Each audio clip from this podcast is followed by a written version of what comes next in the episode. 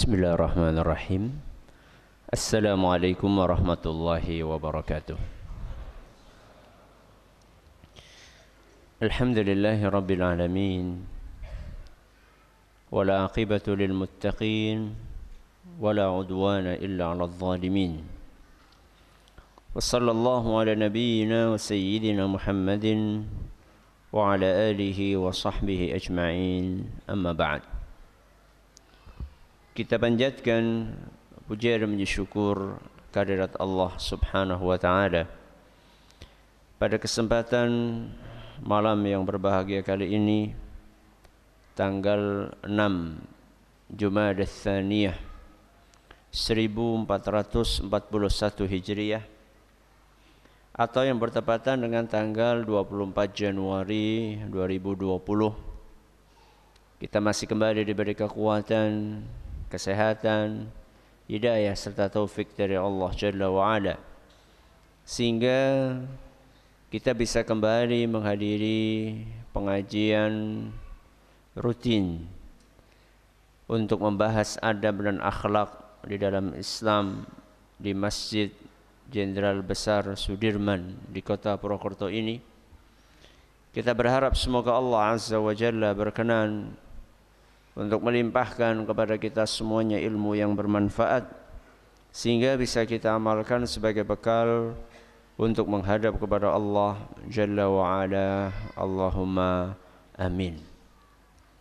Salam dan salam semoga senantiasa tercurahkan kepada junjungan kita Nabi Agung Muhammad sallallahu alaihi wasallam kepada keluarganya sahabatnya dan umatnya yang setia mengikuti tuntunannya hingga di akhir nanti. Para hadirin dan hadirat sekalian yang kami hormati dan juga segenap pendengar serta pemirsa yang mudah-mudahan senantiasa dirahmati oleh Allah Azza wa Jal. Alhamdulillah pada pertemuan yang lalu kita telah mengawali pembahasan tentang hadis nomor 40 dan insya Allah malam hari ini kita akan menyelesaikan hadis yang mulia ini. Hadis tersebut berbunyi wa an Anas radhiyallahu anhu qal dari seorang sahabat Nabi sallallahu alaihi wasallam yang bernama Anas. Semoga Allah meridai beliau. Beliau berkata, qala Rasulullah sallallahu alaihi wasallam Rasulullah sallallahu alaihi wasallam bersabda, "Kullu bani Adam khata." Setiap anak keturunan Adam sering berbuat salah. Wa khairul khata'ina at-tawwabun. Dan sebaik-baik orang yang sering berbuat salah adalah yang sering bertaubat. Hadis riwayat Tirmizi dan Ibnu Hajar mengatakan sanad hadis ini kuat. Sebagaimana yang telah kita janjikan pada pertemuan yang lalu bahwa pada kesempatan kali ini kita akan melanjutkan pemaparan tentang kandungan hadis ini dan poin-poin yang berkaitan dengannya. Kemarin kita telah janjikan bahwa pada kesempatan kali ini kita akan menjelaskan apa hukum taubat. Apa hukum taubat? Para ulama mengatakan bahwa taubat itu hukumnya fardu ain. Apa hukumnya? Fardu ain. Apa artinya fardu ain? Wajib bagi masing-masing muslim. Setiap orang yang beriman wajib untuk taubat. Apa bedanya sama fardu kifayah? Kalau fardu kifayah seandainya ada sebagian muslim yang sudah menjalankannya maka kewajiban itu gugur dari muslim yang lainnya itu namanya fardu nopo kifayah nyolati jenazah itu hukumnya fardu kifayah Kalau sudah ada sebagian yang nyolati maka yang lain tidak wajib walaupun walaupun tetap dianjurkan. Itu fardu kifayah. Kalau kalau taubat itu hukumnya fardu ain. Sebagaimana yang dinukil oleh Imam Al-Qurtubi di dalam tafsir beliau wattafaqatil ummatu ala anna taubata fardun al-mu'minin. Umat Islam telah sepakat alias telah terjadi ij, ijma. Para ulama sepakat mengatakan bahwa taubat itu hukumnya fardu bagi setiap mukmin. Alias tadi apa? Fardu ain. Berarti kalau tidak dilakukan dosa. Kalau tidak dilakukan dosa. Misal kita habis melakukan perbuatan maksiat. Kok kita nggak tobat? Itu dosa. Sudah dosa gara-gara nopo? Maksiat. Masih dosa lagi gara-gara nggak tobat. Berarti dosanya double-double. Itu resikonya ketika kita katakan taubat itu hukumnya fardu ain, saat ditinggalkan maka dosa. Ya kayak orang nggak sholat lima waktu. Sholat lima waktu hukumnya apa? Fardu ain.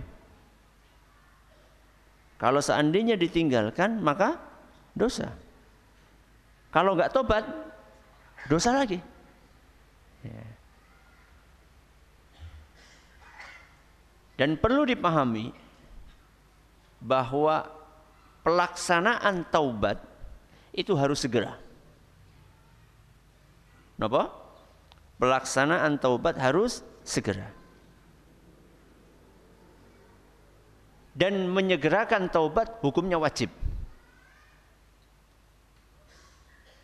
Berarti kalau ada orang berbuat dosa sekarang, tobatnya kapan? Besok itu segera atau nunda? Nunda, berarti dosa. Dosa karena apa? Menunda taubat. Apa dalilnya? Bahwa menyegerakan taubat itu hukumnya wajib. Al-Quran surat Ali Imran. Kenapa? Al-Quran surat Ali Imran ayat 133. Dalam Al-Quran surat Ali Imran ayat 133 Allah Azza wa Jalla berfirman wasari'u ila maghfiratin min rabbikum. Bersegeralah. Bersegeralah untuk menjemput ampunan Allah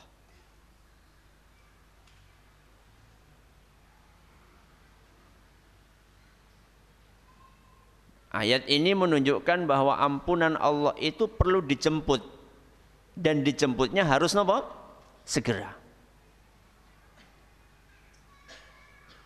Dan kata Imam Ibnul Qayyim, ketika kita nggak segera taubat itu dosa. Habis berbuat maksiat A, kemudian nanti ajalah nunggu pensiun taubatnya, waduh lebih parah lagi itu Wong nunggu sampai besok saja sudah penundaan, apalagi nunggu sampai pensiun.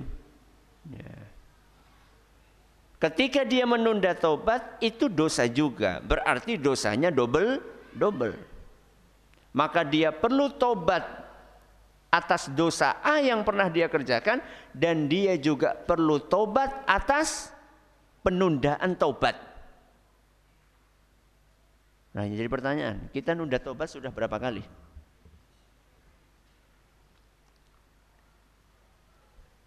Saya dan jenengan hari ini sudah berbuat dosa berapa kali? Panjenengan ini diem karena lagi ngitung. Apa orang ngitung? Atau malah nggak ada? Maksudnya nggak berbuat dosa sehingga kayaknya lo orang lo kayaknya. Yang mana ini? Ya. Seandainya, seandainya nih, hari ini kita sudah berbuat dosa sepuluh kali dan itu hebat. Kalau cuma berapa? Sepuluh kali. Berarti kita harus tobat berapa kali? Sepuluh kali. Ketika kita tunda tobat yang sepuluh kali itu berarti dosa kita yang sepuluh sudah dapat dosa, penundaan sepuluh kali tobat juga dosa lagi. Berarti itu yang hari ini. Yang kemarin. Yang sebelumnya. Jadi jangan dipikir kita ini wis ngaji mesti melebu surga. Bukan berarti pergi rosa ngaji bukan. Karena sekarang ada muncul pemahaman yang sebenarnya sudah lama. Pemahaman yang sudah lama muncul. Pemahaman yang mengatakan bahwa dosa itu tidak berefek kepada iman. Ini bahaya ini. Ini pemahaman yang sejak dahulu sudah muncul. Inisiatornya adalah sekte Murji'ah. Sekte apa? Murji'ah. Bahwa dosa dan maksiat yang kita kerjakan itu tidak ngefek kepada keimanan kita. Iman kita aman-aman aja. Saat berbuat apa? Masih ini bahaya. Ya. Padahal perbuatan dosa dan maksiat itu pasti berdampak buruk kepada apa? Keimanan. Buktinya kita disuruh tobat. Kalau seandainya dosa itu tidak ngefek kepada keimanan, ngapain kita disuruh tobat? Terus solusinya bagaimana Ustadz? Kita harus tobat berapa kali? Sedangkan kita tidak tahu berapa jumlah dosa kita dan kita juga tidak tahu berapa kali kita menunda taubat tersebut. Solusinya adalah taubat total. Napa? Taubat total. Taubat dari seluruh dosa. Karena kalau misalnya kita hitung satu-satu, orang bisa. Saking apa nih? Saking apa Aku harap tobat sekarang dosa A, B, C, D. Gue ada sing keliwat mesti gue. Pasti ada yang terlewat. Makanya solusinya adalah taubat napa wau total. Yaitu taubat dari seluruh dosa. Dan itulah yang dicontohkan oleh Nabi kita Muhammad sallallahu alaihi wasallam. Di antara doa yang rutin dibaca oleh Rasul SAW saat sujud. Kapan? Saat sujud. Apa yang dituturkan oleh Abu Hurairah radhiyallahu anhu dalam sebuah hadis yang diriwayatkan oleh Imam Muslim. Kata beliau, "Anna Rasulullah sallallahu alaihi wasallam kana yaqulu fi sujudihi" bahwasannya Rasulullah sallallahu alaihi wasallam dalam sujudnya biasa membaca doa. Dengarkan baik-baik doa Nabi SAW dalam sujud. Allahumma ghfirli dhambi kullah. Allahumma ghfir li dhambi kullah Coba diulangi. Allahumma ghfir li dhambi kullah. Masih ada lanjutannya, kita pelajari ini dulu. Allahumma, apa artinya? Ya Allah, ighfirli, ampuni aku dhambi dosa-dosaku kullah semuanya. Ini solusinya. Kita bertaubat kepada Allah, memohon ampun kepada Allah dari Allah Azza wa Jalla dari seluruh perbuatan dosa. Ini rutin dibaca oleh Nabi SAW dalam sujud-sujud beliau. Kapan bacanya ya? Setelah membaca Subhana Rabbiyal A'la atau Subhana Rabbiyal A'la wa bihamdih. Ya. Baca doa ini. Apa tadi doanya? Allahumma ghfir li dhambi kullah. Masih ada kelanjutannya? Ini sudah hafal yang ini? Coba.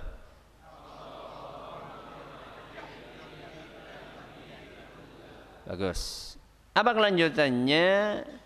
Diqahu wajillah. Kenapa? Diqahu wajillah ha. Saya ulangi. Diqqahu wajillah apa artinya? Diqqahu itu artinya yang kecil wajillah maupun yang besar. Karena dosa itu kan ada yang kecil ada yang besar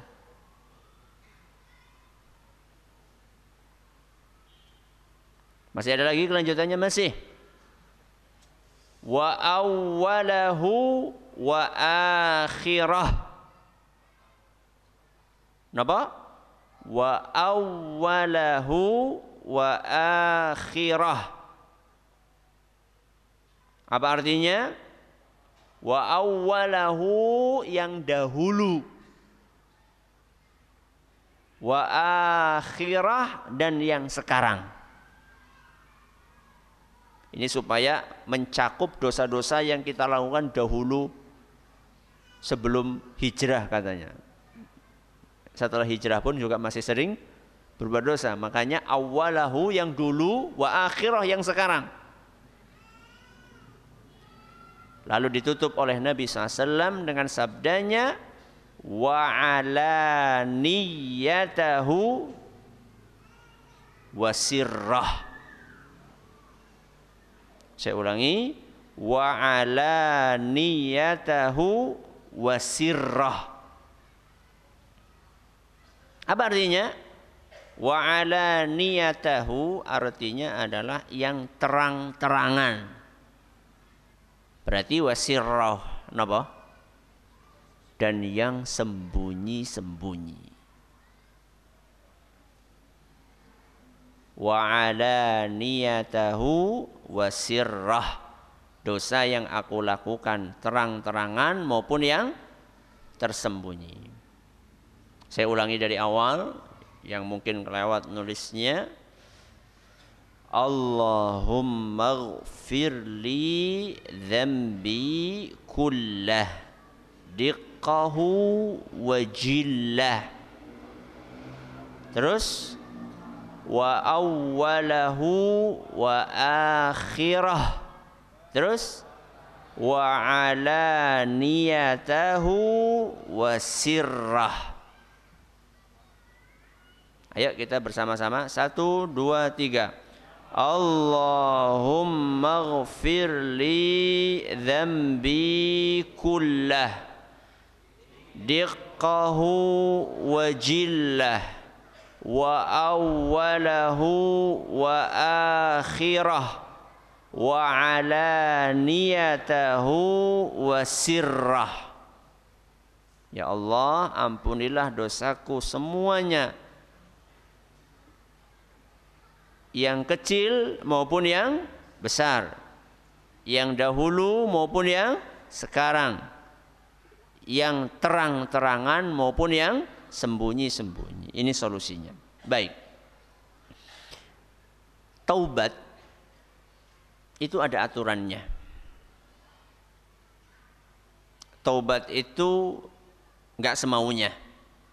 Sebagaimana ibadah-ibadah dalam agama kita yang setiap ibadah pasti ada aturannya. Sholat, wonten nomor aturannya. Contohnya aturannya diawali dengan takbiratul ihram diakhiri dengan salam.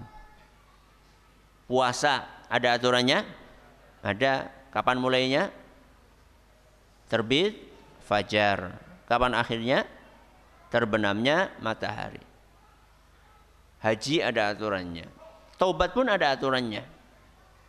Makanya perhatikan di dalam ayat Al-Quran ketika Allah memerintahkan kita untuk taubat Allah sampaikan Ya ayyuhalladzina amanu. Wahai orang-orang yang beriman. Tubu ilallah. Bertaubatlah kalian kepada Allah taubatan nasuha. Bertaubatlah dengan taubat nasuha. Ini Allah sampaikan dalam surat At-Tahrim ayat 8. Surat apa? At-Tahrim ayat 8. Ayat barusan mengisyaratkan kepada kita bahwa taubat yang diminta oleh Allah itu bukan taubat sekedarnya. Tapi taubat napa wau? Nasuha. Nah, taubat nasuha itu yang seperti apa? Ada banyak keterangan yang dipaparkan oleh para ulama kita dari dulu sampai sekarang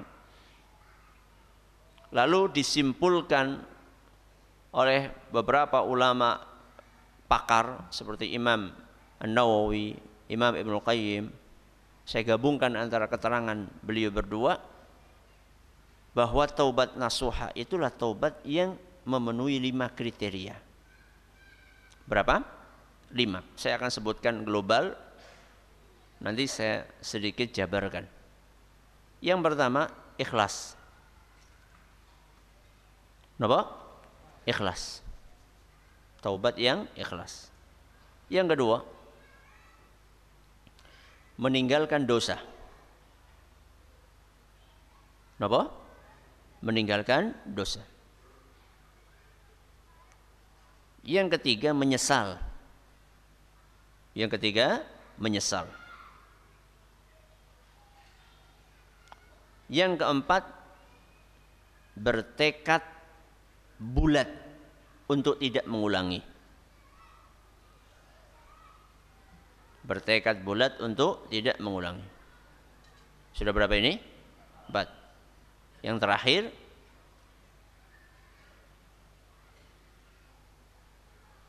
meminta maaf atau mengembalikan hak Bani Adam Apa yang ke yang kelima? Meminta maaf atau mengembalikan hak Bani Adam. Coba diulangi. Apa yang pertama? Ikhlas. Yang kedua? Meninggalkan dosa. Yang ketiga? Menyesal. Yang keempat? Bertekad bulat tidak mengulangi. Yang kelima? Minta maaf atau mengembalikan hak Bani Adam. Kita bahas satu persatu. Apa yang pertama tadi?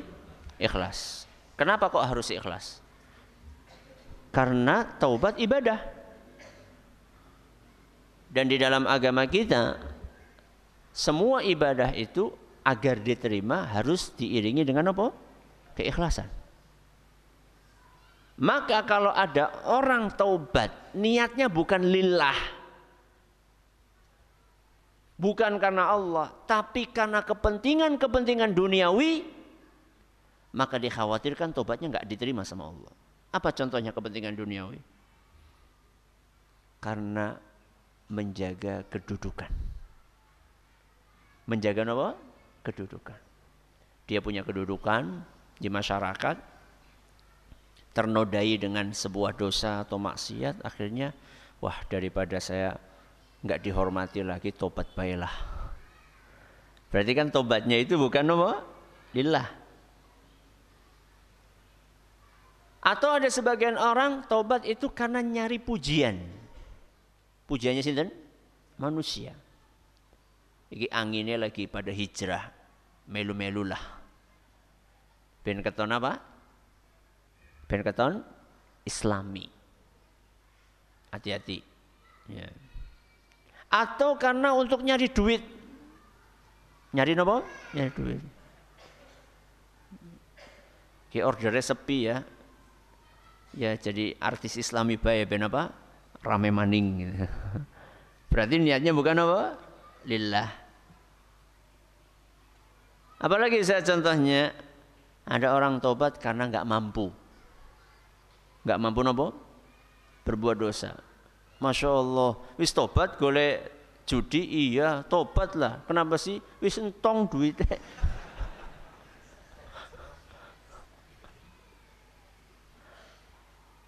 Berarti berarti nek ana maning ya bali maning itu namanya bukan tobat. Ya. Tapi bisa jadi kebangkrutan dia itu cara Allah untuk membuat dia taubat. Tapi jangan sampai niatnya hanya karena itu. Kalau niatnya karena nggak punya modal, nanti begitu ada yang ngasih duit, labuh maning. Ya bukan itu. Ya. Ini yang pertama. Apa tadi? Ikhlas. Yang kedua, apa? Meninggalkan dosa. Ya.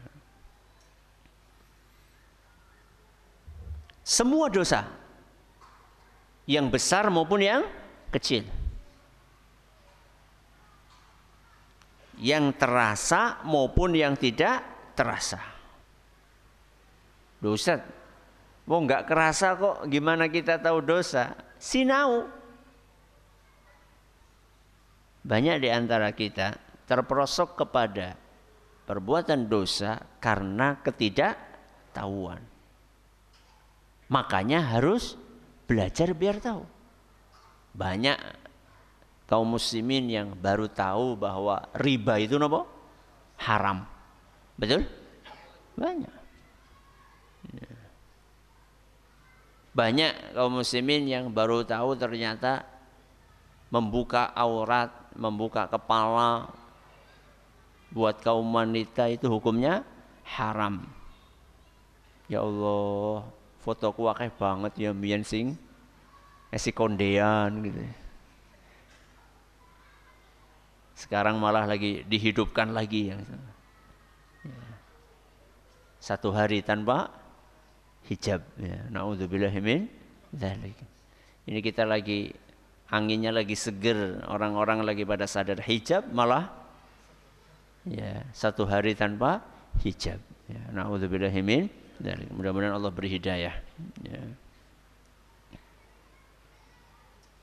Ini yang kedua, meninggalkan apa? Dosa. Yang ketiga, menyesal. Apa? Menyesal.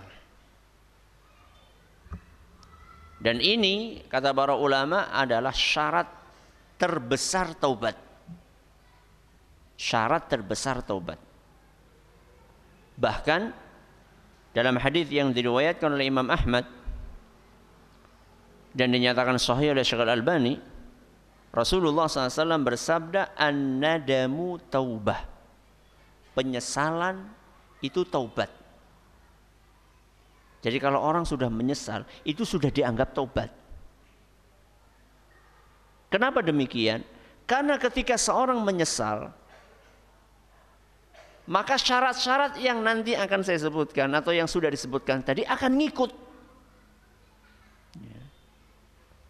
Asal dia nopo menyesal.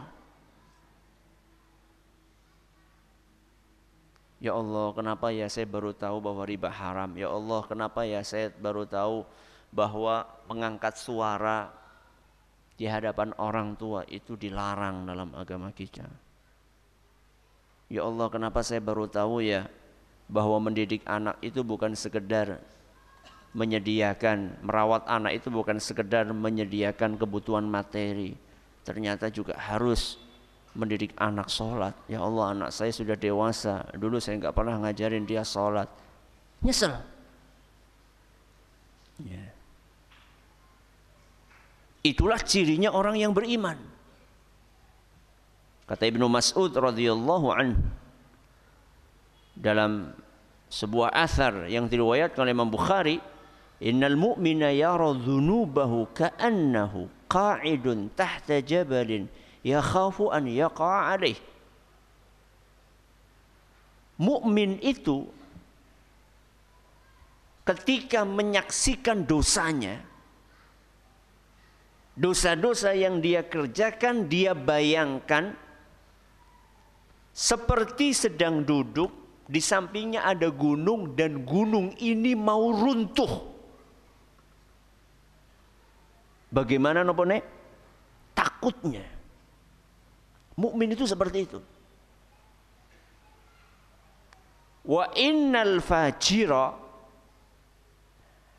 Adapun seorang yang pendosa ahli maksiat yaradzunubahu kadzubabin marra ala anfih. Adapun orang yang tidak beriman dia akan menganggap dosa-dosa yang dia kerjakan seperti lalat yang lewat di depan hidungnya. Maka dia pun akan me, apa gitu menggusah bahasa Indonesia mengusir. Ya. ya. mengusir. Ya wis lah daripada menggusah ya. maka dia akan mengusir lalat dari depan hidungnya cuma seperti ini saja. Kayak nggak ada apa-apa. Itu bedanya. Mukmin sama yang bukan itu bedanya seperti itu. Jadi kalau kita setelah berbuat dosa kemudian kita takut kita menyesal itu mukmin berarti. Sebaliknya, ketika setelah melakukan dosa kita biasa-biasa saja, itu berarti menunjukkan keimanan kita sangat tipis. Ya. Seorang anak habis bentak orang tuanya, kok dia nyaman-nyaman saja? Oh bahaya itu. seorang telat sholat kok biasa-biasa saja? Bahaya. Ya. maka ketika kita melakukan perbuatan dosa sebelum kita tobat maka harus ada penyesalan dalam hati. Dan orang yang membanggakan dosa itu menunjukkan dia tidak menyesal. Kan ada sebagian orang habis melakukan dosa pamer. Bukan hanya pamer, malah menawarkan kepada orang lain. Dia anak film apik banget. Sip pokoknya. XXXX. Ya. Terus karo kanca gratis ora apa-apa lah. Nauzubillahi min Harusnya menyesal. Ya. Habis melakukan perbuatan dosa menyesal. Sembunyikan. Segera taubat. Jangan malah cerita-cerita sedih. Habis melakukan perbuatan dosa itu sedih, bukan malah nopo? Senang. Kata Ibnu Abbas radhiyallahu anhu, "Ma farahuka bidzamb idza dhafirta bih a'zamu min dzamb Kamu senang berbuat dosa. Begitu ada kesempatan kamu berhasil untuk melakukan perbuatan dosa, Rasa senangmu dalam hati itu lebih besar dosanya daripada dosa itu sendiri. Begitu ada kesempatan untuk berbuat dosa, kemudian kita, wah, kira rezeki nomplok temenan ke. Kegirangan kita karena dapat kesempatan untuk berbuat dosa, untuk berbuat dosa, kegirangan itu adalah sebuah dosa yang lebih besar dari dosa yang kita kerjakan. Contoh, zina. Nauzubillahi min min. Dosa besar atau bukan? Dosa. Dosa besar. Tahu-tahu ada yang menawarkan diri untuk dizinai. Gratis. Orang? Ya jadi gratis ya orang bayar. Kok kemudian seneng? Girang, Malah alhamdulillah. Innalillahi wa inna. Alhamdulillah gratis ki. Perasaan girang kita karena dapat kesempatan untuk berbuat dosa itu adalah sebuah dosa yang levelnya lebih besar daripada dosa zina itu sendiri. wa huznuka 'ala dzambi idza fataka a'zamu min dzamb dan perasaan sedihmu ketika gagal melakukan dosa itu adalah dosa yang lebih besar daripada dosa yang gak jadi kamu lakukan. Contoh, nyuri. Dosa atau bukan? Dosa. Besar apa kecil? besar. Dosa besar. Seluruh rencana sudah disiapkan. Matang. Ada yang jaga sana, ada yang jaga sini. Sudah diprediksikan jam sekian itu tukang rondanya apa? Turu. Itu sudah melakukan pengintaian sekian hari. Rencana matang. Akhirnya target pun dibidik, ya, operasi dilakukan.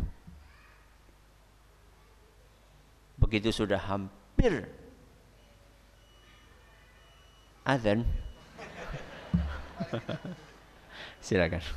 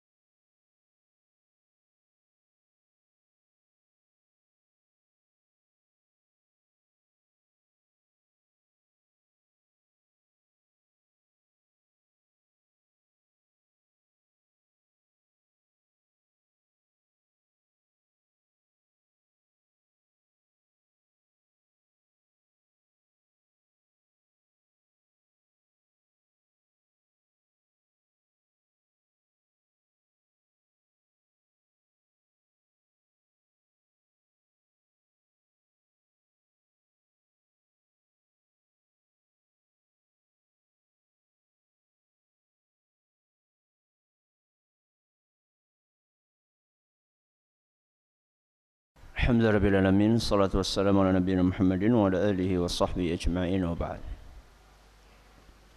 Ketika dia hampir Menyelesaikan Usaha dia untuk mencuri Ternyata datang Tukang ronda Atau tuan rumahnya apa? Bangun Sehingga dia gagal. Berarti kan gak jadi nyuri. Tapi ketika muncul perasaan sedih. Kenapa apa sih orang sida? Itu perasaan sedih dia. Karena gagal berbuat dosa itu lebih besar dosanya dibandingkan apa? Dosa mencuri itu sendiri. Maka syarat yang ketiga, taubat akan dianggap nasuha napa wau? Menyesal. Yang keempat bertekad bulat untuk tidak mengulangi. Berjanji di dalam hati, jujur bahwa dia serius pengen meninggalkan dosa-dosa tersebut tidak akan mengulangi di masa yang akan datang. Walaupun itu sudah menjadi tradisi dalam kehidupannya sudah mendarah daging. Ada sebagian orang dosanya itu sudah mendarah daging. Bahkan ada sebagian orang mengatakan daripada orang rokok mendingan kelangan bojo. Ada sampai seperti itu. Betul, saya pernah dengar sendiri. Nauzubillahi min min Ya. Tapi sesuatu yang berat ketika kita mohon bantuan kepada Allah yang maha kuat maka yang berat itu akan terasa ringan. Ustaz, ketika seorang sudah bertekad, ternyata di kemudian hari dia kalah oleh nafsunya. Atau terprosok lagi dalam jeratan syaitan. Itu apakah tobat yang lama batal Ustaz? Jawabannya mayoritas ulama mengatakan tidak. Tapi kesempurnaannya berkurang. Tobat yang pertama tetap sah. Tapi kurang nopo? Sempurna. Terus solusinya bagaimana Ustadz? Yo taubat lagi. Kalau terulang lagi, tobat lagi. Kalau terulang lagi, tobat lagi dan bertekad untuk tidak mengulangi lagi.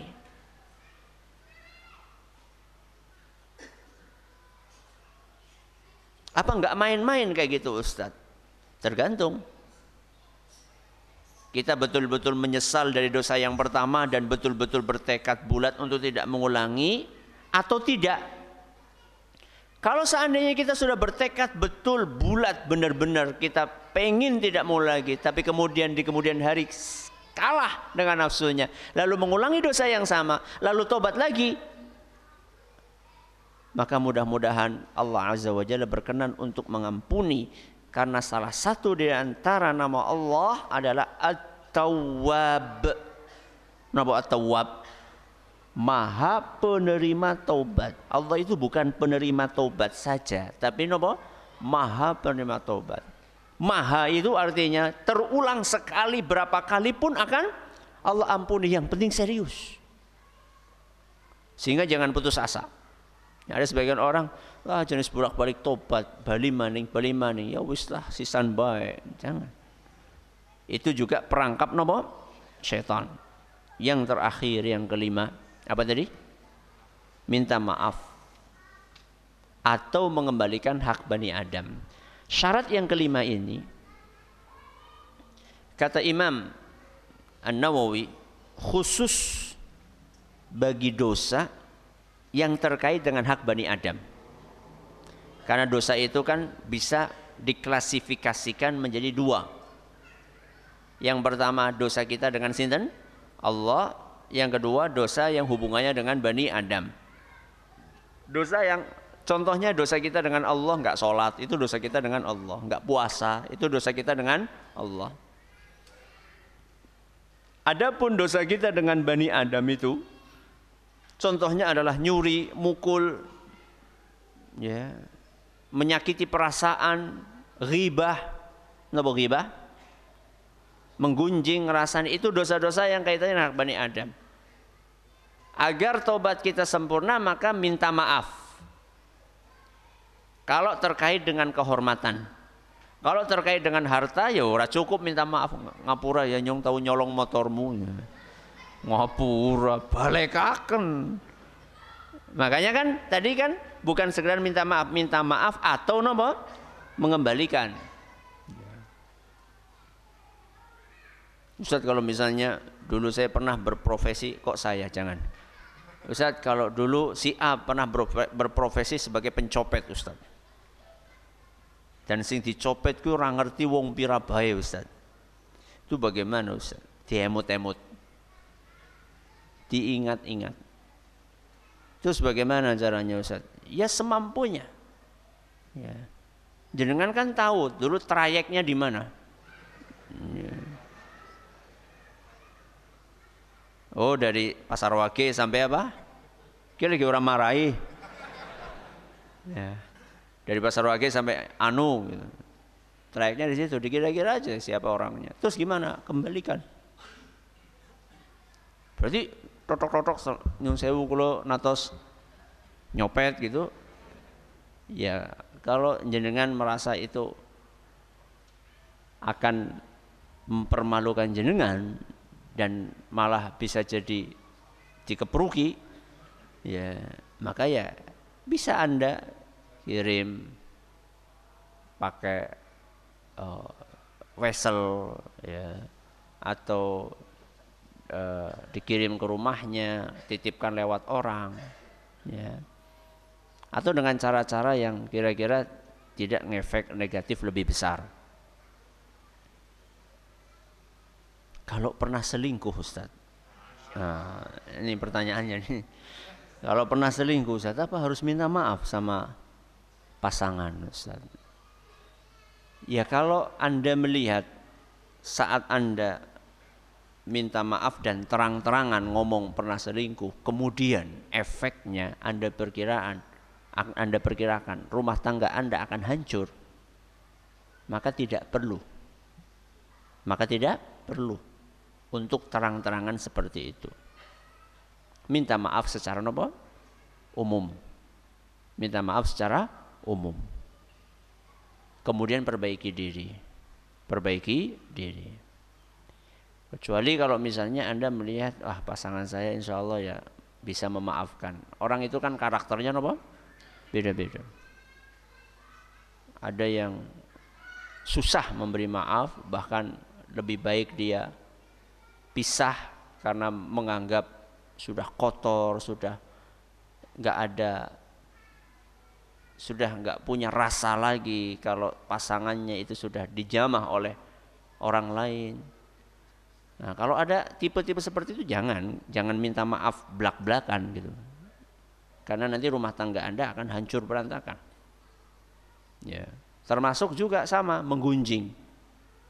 Kata para ulama, kalau kita pengen minta maaf sama yang digunjing, kita prediksikan seandainya terang-terangan justru malah dia akan memutus silaturahim. Akhirnya malah kondisi semakin parah.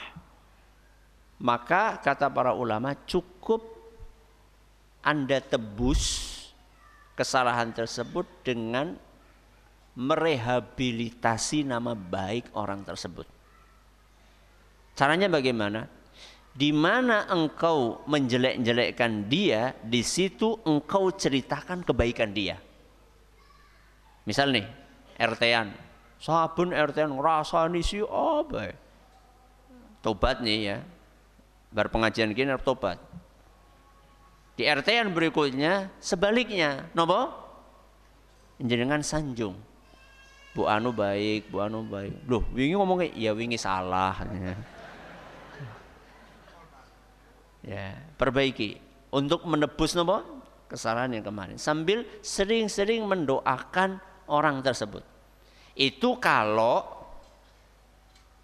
efek jenengan minta maaf terang-terangan itu menyebabkan perpecahan ketidakakuran. Tapi kalau jenengan melihat orangnya lah gampangan untuk memberikan maaf ya terang-terangan minta maaf nun sewu saya pernah ngerasain jenengan tolong dihalalkan dimaafkan.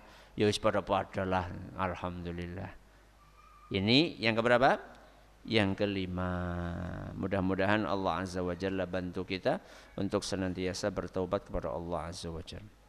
Ustaz kalau ada orang berzina tapi belum dicambuk apakah nanti akan dicambuk di neraka atau di kuburan? Kalau dia sudah taubat nasuha mudah-mudahan Allah akan membebaskan hukuman itu tapi syaratnya harus apa taubat nasuha Mudah-mudahan Allah Subhanahu wa taala berkenan untuk melimpahkan kepada kita semua ilmu yang bermanfaat dan bisa kita amalkan. Pekan depan libur. Nah, pekan depan libur karena saya ada acara di luar dan insya Allah kita akan ketemu lagi pada tanggal 14 Februari 2020 insya Allah. Terima kasih atas perhatiannya, menonton segala kurangannya. Kita tutup dengan membaca Subhanakallahumma bihamdika asyhadu an la ilaha illa anta astaghfiruka wa atubu ilaik. Assalamualaikum warahmatullahi wabarakatuh.